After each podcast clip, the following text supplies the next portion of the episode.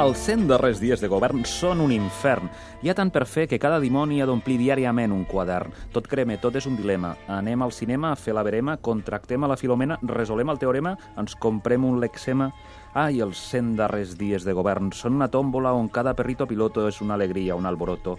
Perquè realment els 100 darrers dies de govern el problema que tenen és el començament.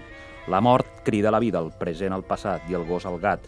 Els darrers 100 dies de govern criden desesperadament els 100 primers dies de govern.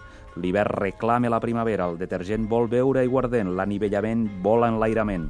Els 100 darrers dies de govern són la nostàlgia d'un ahir incandescent.